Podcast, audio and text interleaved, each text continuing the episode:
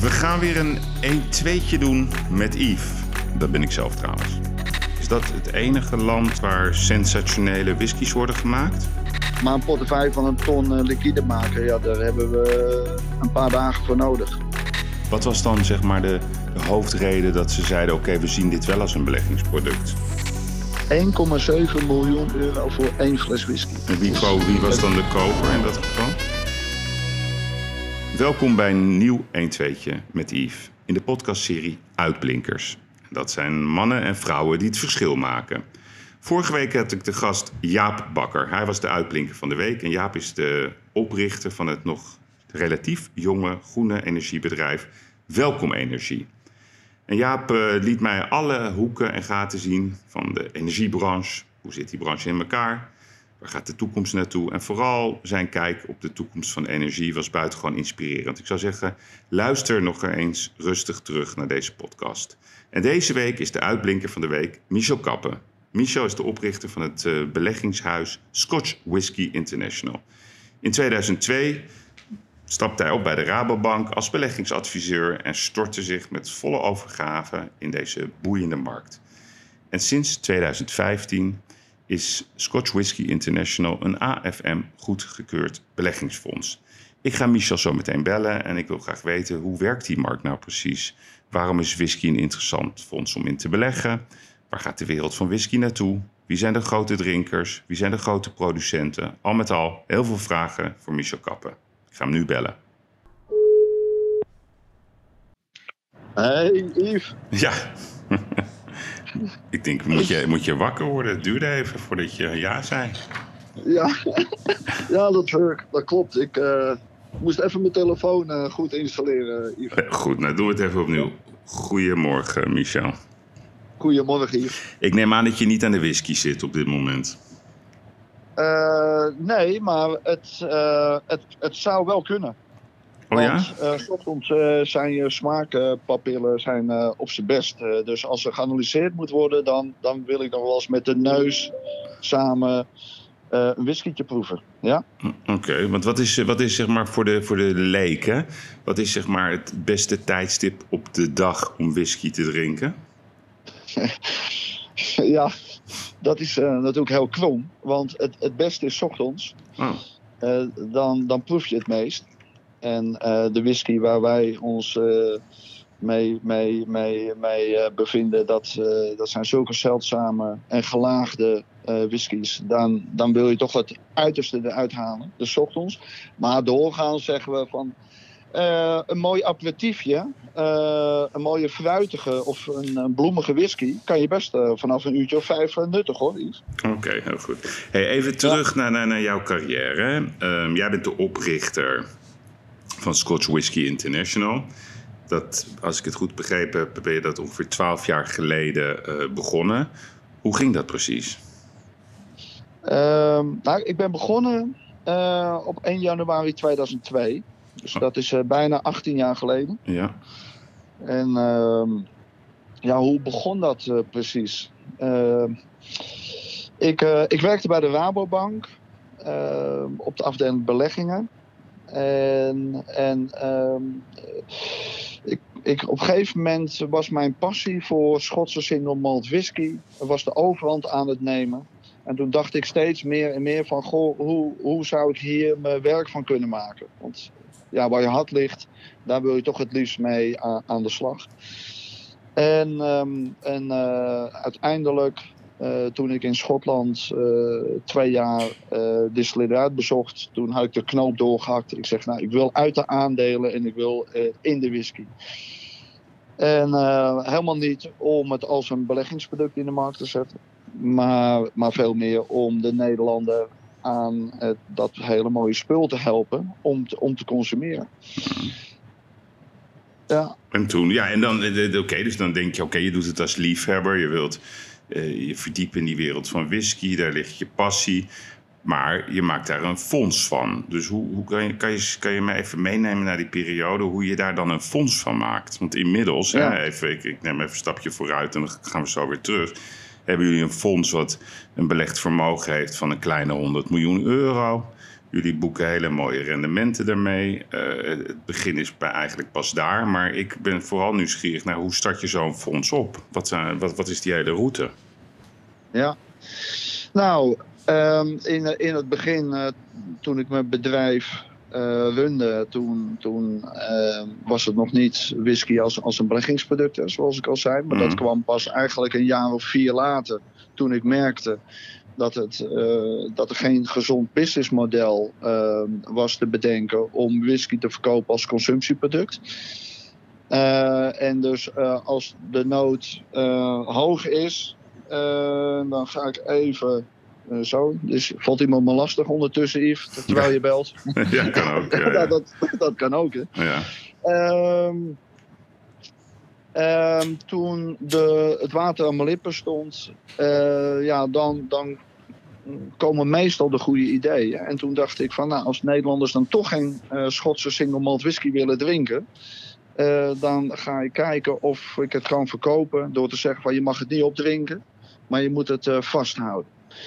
En dat was natuurlijk naar aanleiding van wat onderzoek wat ik in de markt had gedaan naar dit product. Waarom het als een heel goed beleggingsproduct in, in de markt gezet kon worden. Nou, Mhm. en in 2007, uh, toen waren we zover om, om, dat, om dat te lanceren. En toen hebben we uiteindelijk ook nog Gerrit Salm bereid gevonden om, om de whiskybeurs te openen. Mhm. Want we hebben e-, eerst een beurs gebouwd. waar onze klanten hun portefeuilles, net zoals bij aandelen, gewoon kunnen volgen van wat de waardeontwikkeling is. En dat hebben we dan eind uh, 2007 in de markt gezet. Nou, en, en, toen is het eigenlijk een beetje gaan, gaan lopen. Hmm. Uh, dat uh, veel aandacht voor kwam in de media. over de hele wereld trouwens. En, en zo is het, het beleggen in whisky begonnen.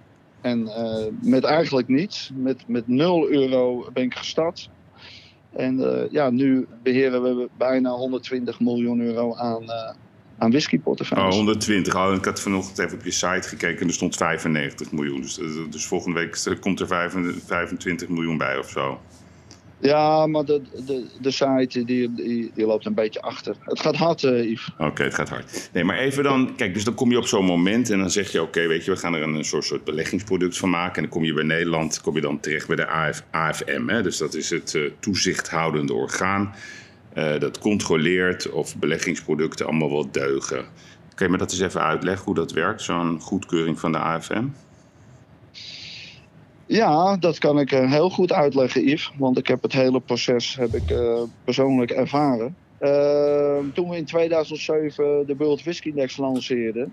toen lag er twee maanden later lag er een uh, brief op de, op de mat van de AFM... waar we mee bezig waren. Hmm. En in die brief stond dat we echt alles... maar dan ook echt alles moesten insturen... Uh, want er werd een check uh, gedaan naar hoe we dat, uh, hoe we dat hadden ingericht, het belegging whisky. Mm. En dat hebben we elk jaar, vijf jaar lang, hebben we een brief van de AFM gekregen om continu dus alle nodige informatie naar ze toe te sturen. En in mei 2013, toen vonden ze het, uh, hadden ze waarschijnlijk genoeg informatie uh, verzameld. En toen moest ik uh, op kantoor komen bij ze. In de Vijzelstraat in Amsterdam. En twee uur later stond ik buiten. En toen zeiden ze van, je mag geen whisky meer als een beleggingsproduct verkopen. Want ja, voldoet niet aan alle eisen van een beleggingsobject. Want zo hadden ze ons gekwalificeerd. En, en toen en toen uh, kwam er een slot hier op de deur.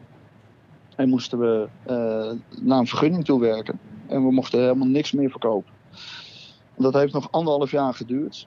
Voordat we zover waren om uh, uiteindelijk ook die vergunning te behalen. En nou, dat is nog wel een verhaal geweest hoor, Yves. Ja, dat kan ik me voorstellen. Ja. En, en, en wat is dan, wat is dan zeg maar, zeg maar uh, dat ze jou naar buiten sturen bij de Vijzelstraat? Hè? Dat je daar, ik kan me voorstellen dat je dan helemaal jezelf verloren voelt. Dan denk je, hé, hey, daar gaat mijn droom. En hoe heb je jezelf dan kunnen vermannen om toch het zover te krijgen dat jullie wel die vergunning hebben gekregen? Hoe werkt dat? Ja, inderdaad. je, komt, je staat buiten en je denkt, ja, nou ja, ik, ik ben failliet. Hmm. Dat is het eerste wat je denkt, want je mag niks meer verkopen. Maar je kosten gaan wel door. Hè. We hadden ongeveer zo'n 7 miljoen euro aan whiskies uh, die we beheren. Uh, en even misschien toch voor de luisteraar even uitleggen hoe we dat deden. Hmm. Uh, we verkochten fysieke flessen en fysieke vaten individueel aan investeerders die uh, geloofden dat whisky een heel goed beleggingsproduct was. Dus we hebben geen fonds opgericht, maar alles gaat op, uh, op telemeetbasis bij ons. Dus wij waren in de veronderstelling dat wij geen financieel product aanboden, uh, geen beleggingsobject aanboden. Maar we, we verkochten flessen en vaten whisky. En die konden we desnoods ook nog uitleveren aan de klanten. Mhm. Ja, dat, we, dat dat niet altijd in de praktijk uh, toepasbaar was. Hè. Dus dat betekende dat wij ook het de bewaar in het beheergedeelte deden. Ja, die combinatie van het verkopen, het bewaren en het beheren, dan lijkt het heel erg op een aandeel. Uh, en zo konden onze klanten, en kunnen ze het nog steeds, ook weer verhandelen. Hè. Dus eigenlijk er komt helemaal geen fysiekheid aan te pas. Ehm, maar als ze het zouden willen, zouden ze wel de flessen kunnen opeisen. Ja, ja, dus, dus, dus even... Dat, dat even, maar gewoon, even ter verduidelijking. Ja, nee, precies, maar gewoon even in Jip en Janneke taal. Iemand belegt een bedrag bij jullie, dus bijvoorbeeld uh, eh, 100.000 euro of 250.000 euro. Jullie zijn de partij die daadwerkelijk die flessen whisky ergens in de wereld, en dat zal vaak uh, in Schotland zijn, of eventueel, correct me if I'm wrong, hè, dus eventueel een andere locatie Jullie slaan die whiskies op. Die whiskies zijn dan vervolgens eigendom van de kopende partij, hè, dus die dat geld inlegt. En jullie zijn tevens de partij die de whisky verkoopt als iemand dat zou willen. En die klant, die belegger, die heeft altijd recht op zeg maar, zijn deel van de whiskies die hij via jullie heeft gekocht. Moet ik het zo zien? Ja, ja zo, zo omschrijf je het uh, uh, aardig goed. Hmm. En uh, ja, het, het, is allemaal fysiek uh, aanwezig. Uh, en de klant ja, kan ermee doen wat hij wil. Alleen de Nederlandse beleggers die zeggen: ja, ik hoef het niet om, om thuis te hebben of om te drinken. Mm. Nee, ik koop het echt om het vast te houden. En naarmate de tijd verstrijkt, wordt het, wordt het spul steeds schaarser. En dan krijg je een waardeontwikkeling. Ja. Want vertel eens, wat, vertel eens wat over die markt. Hè? Want je zei net uh, aan het begin van... Hè, je wou eigenlijk gewoon whisky verkopen. Maar toen merkte je toch dat de Nederlandse consument... nou, gedeeltelijke liefhebber is van die whisky. Dus, dus is, is, whisky, is whisky zeg maar een soort vintage product aan het worden? Hè? Net zoals kunst of, of voor mooie horloges... Uh, uh, of bijvoorbeeld bepaalde wijnen, wat je ziet met de Chinezen met name, die fors investeren in hele bijzondere wijnen. Uh, wat is het? Is het een, een, consumptieproduct of is het meer een soort beleggingsproduct aan het worden? Nou, um, het is het nu beide. Um, uh, in 2007 waren wij de eerste in de wereld die whisky als een, een, een, beleggingsproduct in de markt zetten. Dus we hebben echt waarde toegevoegd aan, de, aan deze markt. Ehm, ik zeg ook altijd, uh, als ik in Schotland ben, uh, jullie hebben het aan ons te danken dat jullie voorraad nu vijf keer zoveel waard is geworden. Want in de afgelopen tien jaar is de gemiddelde waardeontwikkeling 500% geweest. Um, van de Schotse single malt whisky. Mm. Um, en nou ben ik even je vraag kwijt hoor, Yves. ja, nee, of, of, of, ja, ja, dat kan. Het is ook een ingewikkelde materie. Maar, maar is whisky, wat ik, mijn vraag was eigenlijk... is whisky steeds meer een beleggingsproduct ah, aan het worden? Of is het meer gewoon een consumptieproduct? Kijk, je kan gewoon naar de gal en gal gaan. Dat begrijp ik. Dan drink je gewoon lekker een glaasje whisky. Maar er zijn natuurlijk zoveel bijzondere, unieke whiskies... Ja, waarbij je jezelf de vraag moet stellen of je dat wel moet opdrinken. Dus hoe moet ik die markt kwalificeren? Dat is, dat, dat is waar ik nieuwsgierig naar ben. Nou, kijk, wat wij zien is dat uh, luxe producten, mm. uh, en met name die schaars zijn, uh, dat die eh, in waarde stijgen. En dat, dat komt omdat er steeds eh, meer eh, eh, geld eh, vrijkomt. Eh, enerzijds om te beleggen en anderzijds om te consumeren. Nou, Mm. En aangezien wij met dit product eh, beide invalshoeken ehm, zeg maar oppakken, of, eh, wordt het eh, vanzelf interessant om die zeldzame producten uit de markt te halen en om vast te houden. En of dat uiteindelijk dan doorverkocht wordt of dat je dat gaat consumeren, nou ja, dat, dat heb je allemaal zelf in de hand als, als je bezitter bent van, van deze producten. Maar ik, ik denk dat we in een, eh, in een eh, beleggingsklimaat zijn eh, terechtgekomen waarin mensen zoekende zijn. Waar moeten we nou ons geld in gaan beleggen? Ja, Nou, dan heb je nog de aandelen, je hebt het vastgoed. En dan heb je nog een vluchthaven naar goud toe. Hè, misschien wat andere of grondstoffen. crypto. Maar crypto, hè, dat, dat laat de laatste eh jaar ook zeker zien dat er steeds meer body eh, in komt. eh, en geloof dus. Hmm. Dus dat, dat die is ook door een soort kritische massa heen. En wij zien met whisky dat we ten opzichte van alle andere alternatives, en dan krijg je over wijn, over sigaren, over horloges, dat wij daar het, ver, het verst in ontwikkeld zijn. Als je echt gaat kijken naar de financiële regelgeving rondom een beleggingsproduct. Ja, Eh, en daardoor denk ik dat wij de komende jaren heel hard eh, gaan groeien. En van 120 miljoen nu naar eh, over drie tot vier jaar naar eh, 400 miljoen. ja, ja, belegd vermogen gaan. En, hoe, en, hoe, en wat is de reden geweest dat de AFM op een gegeven moment in 2015 tegen jou heeft gezegd: Oké, wij, geven jullie die AFM-keuring, die heel belangrijk is natuurlijk voor jullie, ook eh, voor, voor een investeerder, want dan heeft hij het gevoel dat er ook andere ogen meekijken. Wat was dan zeg maar de, de hoofdreden dat ze zeiden: Oké, we zien dit wel als een beleggingsproduct? Nou, ehm, ehm, het- hoe, moet ik dat, hoe moet ik dat uitleggen? Nou, kijk, ten eerste eh, zeiden ze van je mag niks meer verkopen en je, en je moet aan vergunning toe, eh, toewerken. Nou, toen hebben we echt wel gedacht van, ja, is dat haalbaar? Eh, want eh, in die periode ja, verdienden we eigenlijk nog niet zoveel. Onze klanten verdienden, die verdienden heel veel, maar ik verkocht gewoon het product eh, voor een veel te lage prijs. En dus ik wist helemaal niet hoe ik aan die kosten eh, moest gaan komen. Want zo'n vergunning eh, vergt veel van je organisatie. Hmm. Ehm, ehm, maar ze zagen toch wel dat we iets heel erg goed deden. Hè? Dat het allemaal toch wel eh, goed geadministreerd was. En, en eh, dat we goede prijzen aan onze klanten leverden. En dat ook het, het service-element, wat natuurlijk een heel belangrijk aspect is, hè, zeg maar je zorgplicht. eh, rondom het aanbieden van je beleggingsproduct, dat je dat goed uitvoert. Dus ah, daar voldeden we eigenlijk in de basis al aan. En toen zeiden ze van ja, er moeten nog een aantal zaken geregeld worden. Administratief gezien moet je je zaken anders gaan inrichten. Je hebt gekwalificeerd personeel nodig. Ehm, en je moet gecontroleerde jaarrekeningen eh, moet je gaan publiceren. Dus ja, eh, je moet een prospectus maken. Nou, eh, dat hele riddeltje, dat, dat Ja. Nee, dus op een gegeven moment... Ja, precies. Maar even om het, om het niet te technisch te maken. Maar dus op een gegeven moment is er een moment gekomen dat jullie gewoon van hun toestemming kregen. Oké, weet je, jullie organisatie voldoet aan alle normen, eisen van, de, van de AFM.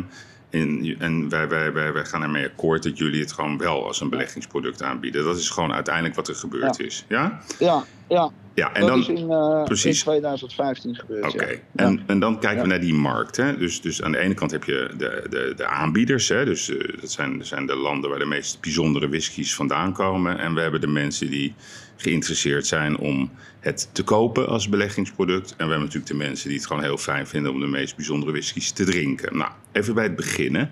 De, de, de, de, de, de, de whiskymakers. Hè, dan denk ik natuurlijk meteen aan Schotland. Is dat het enige land eh, in de wereld waar sensationele whiskies worden gemaakt? Kan je die markt eens even uitleggen wereldwijd? Ja. Ehm, als we inderdaad naar de, naar de wereldmarkt kijken, dan mag je in elk land mag je whisky maken. Dus de naam is niet beschermd zoals bijvoorbeeld bij cognac. Hmm. Cognac mag je alleen maar Ja. in Frankrijk maken. Of in dat champagne, gebiedje. eh, precies.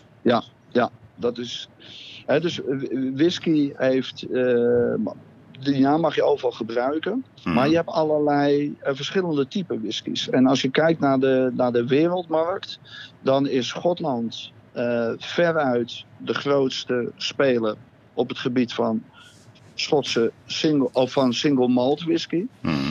En dan heb je eh, de blend whiskies. Hè? Dat zijn eigenlijk gemengde whiskies. Het zegt het al, hè? blenden is Ja. mengen. Ja. Nou, die komen eh, ook voor een groot deel uit Schotland. eh, maar ook uit Ierland. eh, ook uit Japan. Maar ook bijvoorbeeld uit Nederland. Of uit België. Daar heb je ook... eh, Oh, Nederland? Oh, dat wist ik niet eens. We worden in, Nederland worden ook weer. Waar, waar gebeurt dat in Nederland? Ja, ja je hebt ehm, eh, twee, eh, twee bedrijven die, die eh, whisky stoken. Trouwens niet alleen blend, maar ook, ook single malt. Mhm.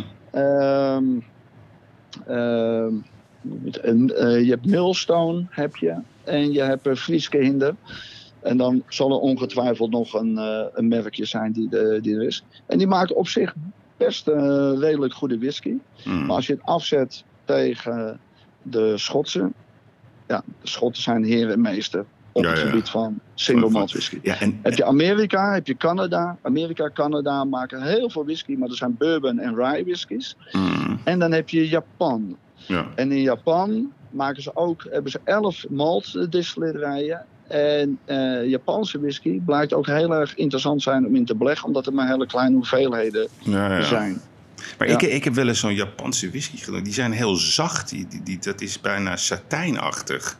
Is dat een andere manier van, van bereiding of zo? Ja, ja, elk land heeft wel zijn eigen geheimen. Eh, het lijkt dan een beetje op de Ierse whisky. Hè. Die is dan ook bekend om zijn zachtheid. Mhm. En de Schotse meer om zijn karakter en zijn ruigheid. En meer ook die rokerige Ja, tonen die in, in de Schotse whisky terechtkomen. Ja, die, die ma- maken het product vele malen complexer Mhm. dan welke whisky ook ter wereld. ja, ja. Hey, en, en, en als je dan kijkt naar wie zijn dan de grote whisky-liefhebbers in de wereld? Ja, dat is eh, opmerkelijk genoeg. Zijn dat de Fransen? Oh, ik dacht dat die altijd aan de cognac gingen. Maar die zijn dus ook grote whisky-liefhebbers. Ja, dat is echt eh, dat is, eh, opmerkelijk. Want de Fransen hebben natuurlijk zelf hele mooie producten. Mhm. Maar die zijn toch het meest verzot op die Schotse single malt whisky. Ja, ja. Ja. En dan? Ja, dus en, en, wat nog meer per hoofd van de bevolking? Welke, welke landen komen nog meer tegen? Ja, dan, dan, dan komt eh, Amerika op de tweede plaats. Tenminste, die, die wisselen wel eens van, van stuivertje. Maar eh, bijvoorbeeld een heel groot eh, consumerend eh, land is Zuid-Afrika. Er wordt heel veel Schotse single malt whisky gedronken. Ja, ja. Ja, Venezuela bijvoorbeeld ook. En in Nederland he- heel weinig.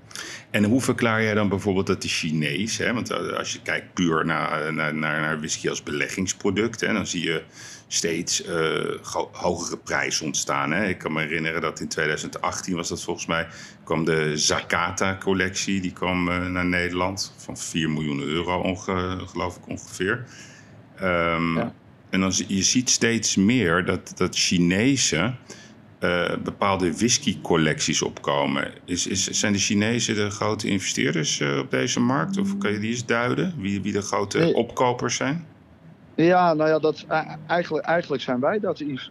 Oh ja, jij. Wij- ja, precies. Ja, wij, wij, wij zijn veruit de grootste speler in de wereld bij het, het opkopen van zeldzame en dan uitsluitend Schotse single malt whisky. Hmm. Maar eh, normaal gesproken zijn die Chinezen eh, wel eh debet aan het prijsopdrijven van de karakter. Want ja, zij zijn bereid om astronomische bedragen voor whisky te betalen. Ja, ja, want wat is bijvoorbeeld, als je nou kijkt naar 2020 of 2019... kan jij mij wat voorbeelden noemen van, van, van, van prijzen die geboden zijn op specifieke flessen? Ja, nou in 2019 hadden we eh, een, een ongelooflijk eh, mooi record eh, te melden. eh, dat er één fles whisky was verkocht. Een Macallan uit 1926 voor 60, van 60 jaar oud. Er was maar één fles van in de wereld. Voor 1,7 miljoen. Hmm. 1,7 miljoen euro voor één fles whisky. En wie, Dus- ko- wie was dan de koper in dat geval? koper is onbekend. Maar waar in, waar in welk land, of dat weet je niet eens? Nee, weten we niet. Dat gaat dan via, dat gaat dan via de veiling of zo? Ja, ja, via een veiling is dat gebeurd. Ja. En in, in 2020, eigenlijk uh, recentelijk, uh, vorige week, hebben wij een uh, nieuw record ge gevestigd met de verkoop van een fles Springbank 1919, 50 jaar oud, voor 270.000 euro. Ja, ja. Jeetje, wat een bedrag. Ja. Dus bijna, dus het, gaat, gaat Rembrandt-achtige levels krijgen zo meteen. Ja, het is ongekend wat mensen bereid zijn om voor zeldzame producten te betalen. Ja, ja. En, en, en, en, en hoe, slim moet je, hoe slim moeten jullie zijn, zeg maar, in het inkooptraject? Want ja, ik zeg altijd, uh, je bent zo goed als je eigen inkoop. Dus als jullie slim inkopen, ja, dan, dan daar, daar pak je volgens mij je rendement voor je beleggers. Hoe doen jullie dat? Hoe pluizen jullie die markt uit? Hoe gaan jullie op zoek naar de pareltjes? Ja, uh, dat, dat, uh, ja, dat kan ik natuurlijk niet uh, verklappen. helemaal gaan verklappen. Nee, begrijp ik. Maar, maar ze zeggen dat ik wel de Sherlock Holmes van, de, van de Schotse whisky-industrie ben. Ja, ja. dus ja, ik, ik heb in de afgelopen 18 jaar hele goede contacten opgebouwd in Schotland. en ik weet ongeveer waar het pracht en praal ligt uh, trouwens niet alleen uh, uh, bij de leveranciers in Schotland, maar ook weet ik waar hele mooie collecties ergens in, in Europa rondzwerven. die we ook op het oog hebben. Want da daar staan flessen in die worden helemaal nooit meer gemaakt. Hmm. En ik denk dat je altijd naar twee aspecten moet kijken. dat is één, het moet kwalitatief hoogwaardig zijn. En dat moet schaars zijn. Hmm. En als je die twee elementen met elkaar verbindt, ja, dan heb je een heel degelijk product uh, wat je als een, uh, als een belegging kan beschouwen. Uh, maar als je het openmaakt, uh, dan word je er ook heel erg blij van. Ja, nee, maar kijk, hier zit natuurlijk ook een mogelijke valkuil. Hè? Dus, dus, dus kijk, ik weet in de kunst hè, dat dat ook vaak hele mooie aankopen gedaan zijn. Doordat uh, familie op een familie op nog een familie. Die had dan een of ander werk aan de muur hangen. En dan komt er zo'n handelaar. En die ziet meteen met zijn oog van... hé, hey, dit is een originele oude meester, van welke naam het ook is. Nou, er wordt dan onderzoek naar gedaan... en vervolgens hè, wordt dat ook als een echte meester gezien. Hoe kan je nou bij whiskies uh, achterhalen, als je, als je een aankoop doet... of de inhoud van de fles ook echt de inhoud van de fles is? Hoe doen jullie dat? Um, ja, dat is een heel belangrijk onderdeel van ons businessmodel. Uh, het uh, ondervangen uh, of het doorhebben van ja, wat zijn fake flessen en wat zijn echte flessen. Ja. Want ook in deze markt, ehm, ja, daar worden fake producten gemaakt. en waarom? Omdat dat natuurlijk heel snel lucratief is. Hmm. Ehm, we hebben ons daar de afgelopen vijf jaar in bekwaamd. Door ten eerste de archieven in Schotland uit te pluizen. En dat hebben we met name ook gedaan vanwege de Secati-collectie die we ingelijfd. Hè. Dat is eigenlijk wel het werelderfgoed van Schotland, wat hier in, uh, in Sassheim staat. Ja, want even voor de luisteraar, jullie hebben jullie, jullie hoofdkantoor in Sassenheim. En daar hebben jullie ook zeg maar, al die unieke whiskies opgeslagen. En, en jullie hebben er ook een heel museum aan gekoppeld. Ja, ja, ja. hier staan meer dan 100.000 flessen zeldzame Schotse single malt whisky. Ja. En we hebben de oudste, vermoedelijk de oudste whiskycollectie uh, ter wereld. Ja. Mm, ja. ja. Uh, dus het, het, het, het ondervangen of het onderzoeken naar fakes, dat is een heel belangrijk onderdeel van ons businessmodel. En, en sterker nog, Yves, uh, als wij merken in de markt dat er ergens fake flessen rondzwerven, dan, uh, dan gaan we daar melding van maken uh, bij de politie. En dan gaan we een onderzoek starten om uh, dat meteen in de kiem te smoren. Ja. Dus, dus het is ehm, buiten dat we heel veel expertise hebben opgebouwd hoe we fakes kunnen herleiden en, en, en wie ze eventueel aanbiedt. Ja, dat is een bescherming gewoon van, ons, van onze markt. Ja, maar dat is natuurlijk ook voor de Schotten belangrijk. Hè? Want jij zei net over archieven. Nou, en bijvoorbeeld in, in, in, de, in de horlogemarkt zie je steeds meer dat er registers ontstaan met nummers die eraan gekoppeld worden. Om ook de echtheid zeg maar, duidelijk te hebben. Dat zie je ook in de wereld van de kunst. Dat is ontzettend goed georganiseerd daar. Dus het is bijna onmogelijk, echt uh, zelden uitzonderingen daar gelaten, om valse werk op de markt te brengen. Uh, hoe, hoe, hoe, hoe is, is, er een internationaal whiskyregister wat, wat toegankelijk is voor iedereen om te begrijpen wat zo uniek is, bijvoorbeeld aan bepaalde malt, single malts, blends of noem het dan maar op? Nee, nee is, er, is er niet. Um, um, wat wij eigenlijk doen is, we bouwen onze eigen register. Hmm. En daar hebben we afgelopen vijf jaar heel hard aan gewerkt. En met name afgelopen twee jaar door uh, uh, alle registers in Schotland uh, in te zien. En te analyseren van welke producten zijn er ooit op de markt gekomen. Um, dus we hebben eigenlijk in de afgelopen twaalf jaar dat we whisky als belegging in de markt zetten, hebben we het ons eigen allemaal zelf aangeleerd. Wat, wat noodzakelijk is om, om ja, verkeerde flessen te kopen.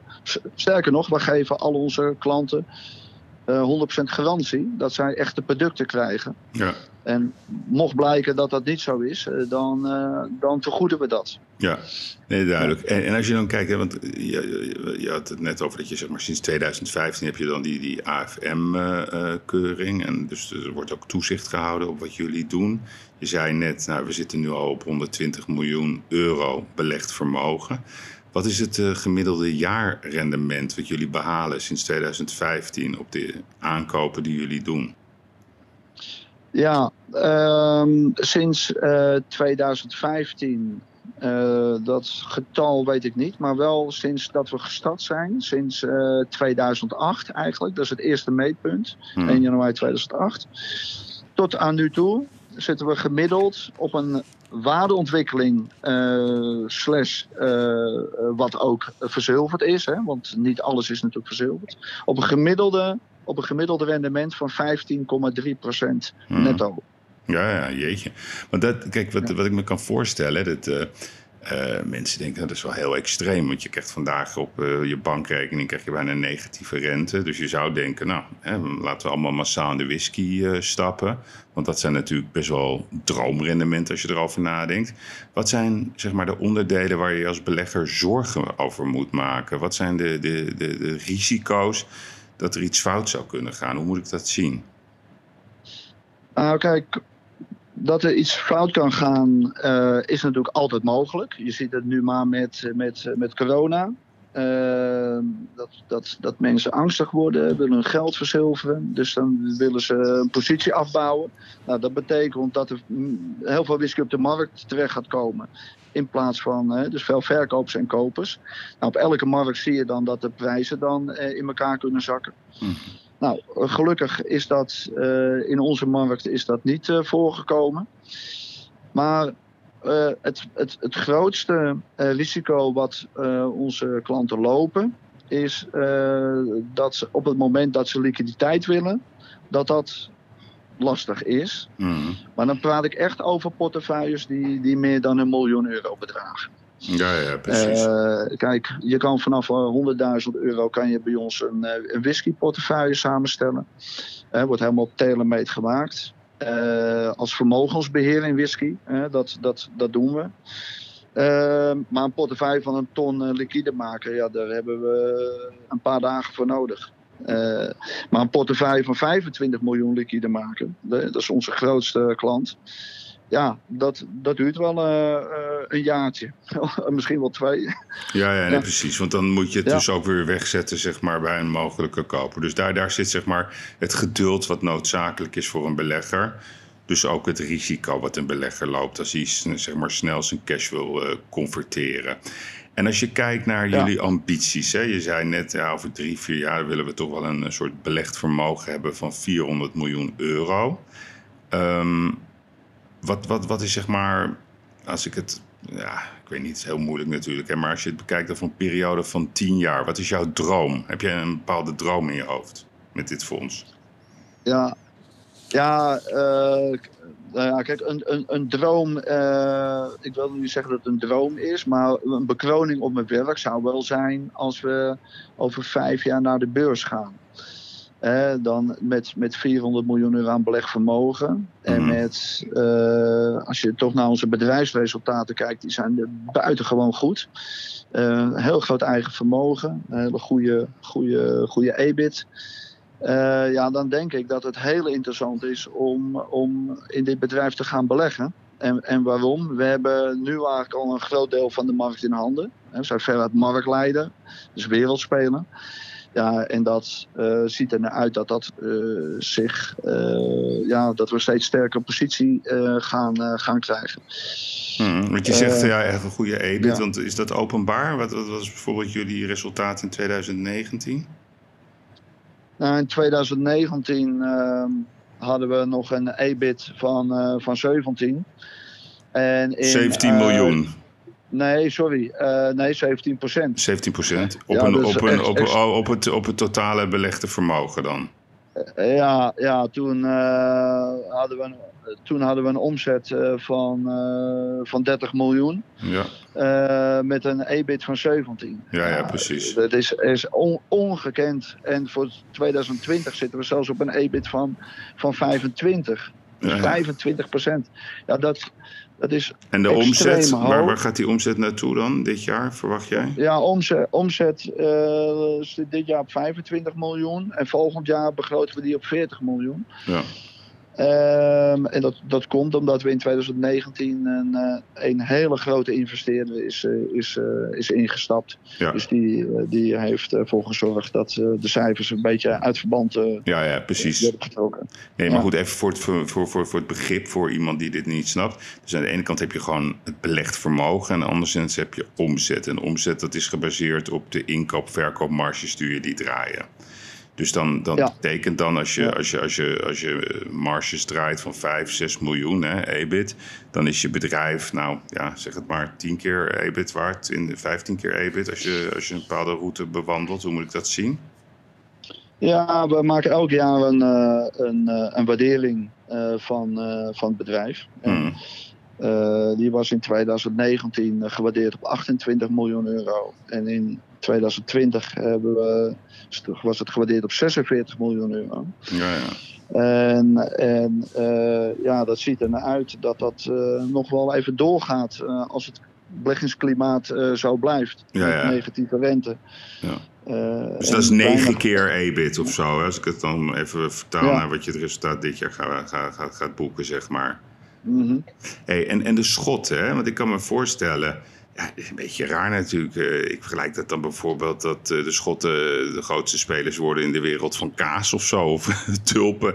Vinden ze, vinden ze dat niet een beetje een raar verhaal dat een of ander. Een of andere ja, sorry hoor. Een of ander jochie uit Sassenheim de grootste collectie, viscollectie ter wereld heeft. Terwijl die eigenlijk natuurlijk in Schotland zou moeten staan. Hoe kijken ze die Schotten naar jou? Ja, ze, ze hebben wel heel veel eh, sympathie eh, voor me. Eh, ik, ik kom ook altijd zelf op het toneel. En dan, en dan praat ik met ze. En dan zeg ik: Goh, zou je het product toch niet eens op een andere manier in de markt zetten? Hmm. Sterker nog, de Schotten, de, de, de Schotse producenten komen naar mij toe. Om, om te vragen wat ze voor hun producten moeten, moeten, moeten vragen. Hoe ze het in de markt moeten zetten. Omdat wij eh, voor, ja, eigenlijk heel veel data hebben om, om eh, ook in de toekomst eh, ja, een, een analyse te maken van nou, dat kan je ongeveer gaan vragen voor, voor een product. Dus het is eigenlijk een beetje de omgekeerde wereld aan het worden. Dat echt de grote jongens in Schotland met ons heel graag samen willen werken. Ja. Omdat we een unieke positie in die markt hebben. Ja. Ja, dat een Nederlander dat dan bedenkt, ja, het had ook net zo goed een, eh, een Zweed kunnen zijn of, een, eh, of, of iemand anders. Weet Ja, je, ja. alleen dan, ben- dan ben ik het nu toevallig. Nou ja, goed. Nou ja. Ja. Mooi ondernemersverhaal in ieder geval. Hey, en, en, en nog eventjes over gewoon het, eh, gewoon het, gewoon het glaasje whisky. Wat, wat is jouw favoriete whisky? Ja, ik heb, ehm, ik heb vorige maand heb ik een whisky geproefd. Toen dacht ik echt van, nou, dit, dit is wel vrij zeldzaam. Ik moet wel zeggen, dat is ni- niet echt toegankelijk. Dat was een moordlag uit 1954, 65 jaar oud. Dat is extreem oud voor, voor een whisky. Hmm. Eh, je zou bijna zeggen dat je de houtsplinters uit je, uit je tong moet trekken. Als het 65 jaar op een houten vat heeft gelagerd. Maar in, in tegendeel, het, was, eh, het, het, smel, het smaakte naar karamel, naar rozijnen, naar open haardvuur. Uh, ongelofelijke gelaagdheid. Uh, nou, zeker uh, drie sterren Michelin restaurantniveau eten waardig. Echt het, het summum van de whisky-industrie. Ja, mooi. En, uh, en, uh, en als je naar de wat gangbaardere whiskies kijkt, dan zou ik iedereen die toch eens aan een single malt wil uh, gaan, gaan proeven, een, is een Springbank van, van 15 jaar kopen. Die kan, je, die kan je gewoon bij Gannegal halen. Of bij de betere Gannegals. En dan nou, heb je ook een hele mooie whisky. Nou, heel goed. Nou ja, de kerst komt eraan. Weet je, een moeilijke kerst waarschijnlijk met alle maatregelen die ons uh, tegemoet gaan komen. Dus uh, zeg jij dan, neem lekker een flesje whisky en sluit je ogen. Geniet van het leven. Ja, in deze moeilijke tijden is het uh, ja, misschien wel wat raar om te zeggen van, ja, waar moet je van genieten? Maar ja, mm. toch, toch moet je het beste ervan maken. Hè? Uh, en ja, je moet thuis zitten. Uh, je mag maar een paar mensen op bezoek.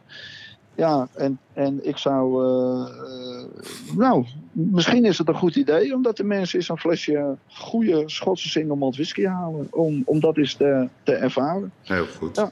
Nou, mooi. Mo mooi. Mooie manier om af te sluiten. Ja, Michel, we zijn er alweer. Is er nog iets wat ik vergeten ben? Of dat je denkt van ja, dat ik ook nog wel even willen zeggen? Of hebben we het eindpunt bereikt? Of het eindpunt, nou, we zijn pas net begonnen. ja. we, we, zijn net begonnen. Ja. Ja, nee, Yves. Ja, natuurlijk. Ik kan heel veel, uh, heel veel nog vertellen over, uh, over alles wat er gebeurd is uh, met het bedrijf. En, maar ehm, nee, het is, een mooi, het is een mooi gesprek zo geweest. Oké, okay, nou ja. goed. Nou, dank je wel. We blijven je volgen en heel veel succes met wat je doet. Dank je wel. Oh, Oké. Okay. Bedankt. Bye bye. bye. Ja, dit was de uitblinker van deze week, Michel Kappen. Komende vrijdag dan zijn we er weer met het grote jaaroverzicht van de gigs en de verschillende andere podcasts die we hebben gemaakt. We hebben veel onthullingen gedaan in het afgelopen jaar. Uh, we hebben ons verbaasd, we hebben ons ook laten inspireren door de verschillende uitblinkers. We blijven de ontwikkelingen volgen. En ik wens u uiteraard een uh, hele mooie kerst. Ik wens u ook een goede jaarwisseling. We gaan heel even met reces. In januari zijn we weer terug met zowel uitblinkers en uiteraard de wekelijke podcastserie The Gigs, waarbij ik altijd wel bel met mijn vaste compaan Erik de Vlieger. Vooralsnog wens ik u een, uh, een mooie kerst en een heel bijzondere jaarwisseling. En ik hoop, net zoals u, dat 2021 een positievere toon zal hebben. Dank voor het luisteren en tot spoedig.